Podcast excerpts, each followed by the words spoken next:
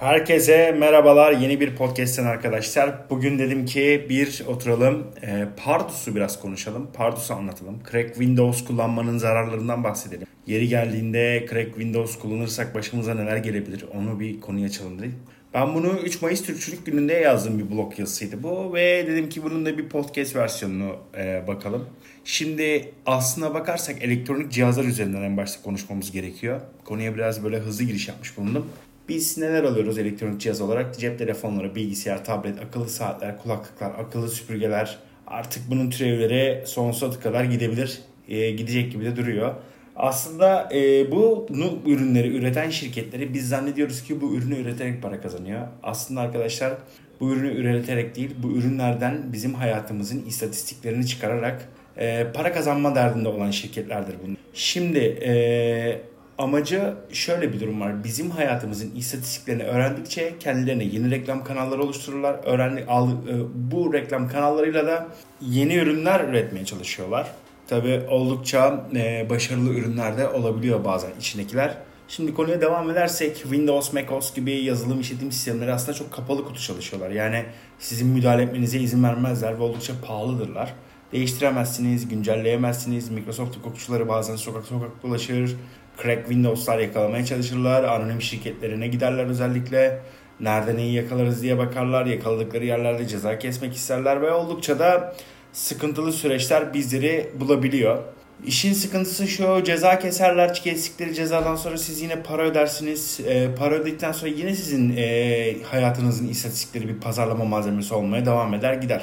E, başka bir podcast'te özellikle Google'ın nasıl e, e, para kazandığını Google Cloud platform üzerinden ki benzeri Amazon AWS'de de var. AWS diye geçiyor. Ee, nasıl para kazandığını da başka bir podcast'te değineceğim sizlere. Ee, şimdi şöyle ben konuyu anlatayım. Türkiye'de özellikle TÜBİTAK'ın altında ULAK bin birimi diye bir birim var. Bunlar 2005 yılından beri ilmek ilmek çalışarak Linux Debian tabanlı e, Pardus isminde bir yazılım geliştirdiler. E, bu sistemleri özür dilerim işletim sistemini hazırlayan e, şirket şu özür dilerim ekipman, ekipler, e, mühendisler bazen dağıldılar, bazen toplandılar, bazen dağıtıldılar. Maalesef e, yazılım deyince bizim ülkemizde biraz ikinci plan atılıyor ama yazılım aslında bugün bir Hollanda, Amerika e, nezdinde bakarsak aslında e, çok büyük bir sektör olduğunu kaçınılmaz yani. Bugün Booking, Trivago, e, efendime söyleyeyim e, sokaklarda gördüğümüz Martı dahil olmak üzere hepsi Hollanda şirketidir. Şimdi bu e, Pardus sistemi oldukça kurulumu kolay olmakla beraber ee, ve kodlamayla işiniz yoksa sadece bir efendime söyleyeyim podcast dinliyorsanız veya Microsoft Word, e, efendim Excel gibi programlar kullanıyorsunuz veya sadece Google Chrome'la e, internette surf yapıyorsanız aslında Pardus tam size göre. Pardus'un özelliği en başta şudur arkadaşlar.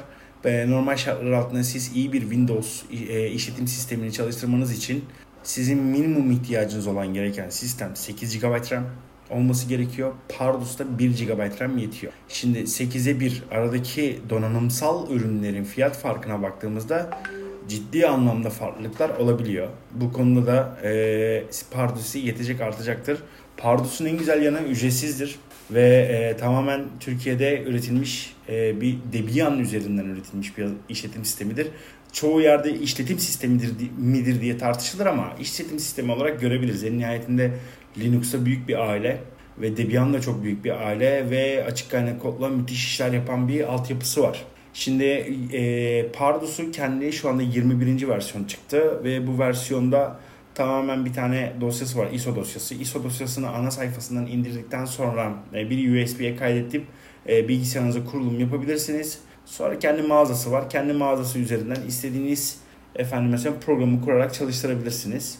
Şimdi e, ben şunu söyleyeceğim. Normal şartlar altında size hiç kimse çıkıp hadi Windows kaldırın deme şansı olmaz devlet makamlarından. Fakat e, bir podcast yapan birisinin bu deme şansı, bunu deme şansı var. Şu andaki ses kaydı da podcast e, Pardus üzerinden yapılıyor.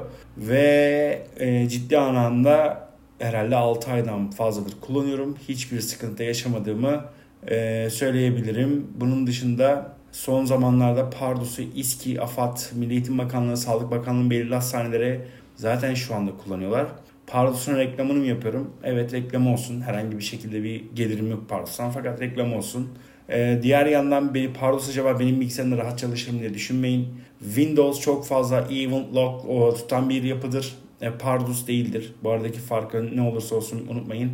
E, log kayıtları arttıkça bir süre sonra sizin artık sahip olduğunuz e, efendime söyleyeyim işlemciler, hafıza birimlerinin tamamı e, deformasyon geçirir. Fakat Pardus'ta bu çok e, azdır.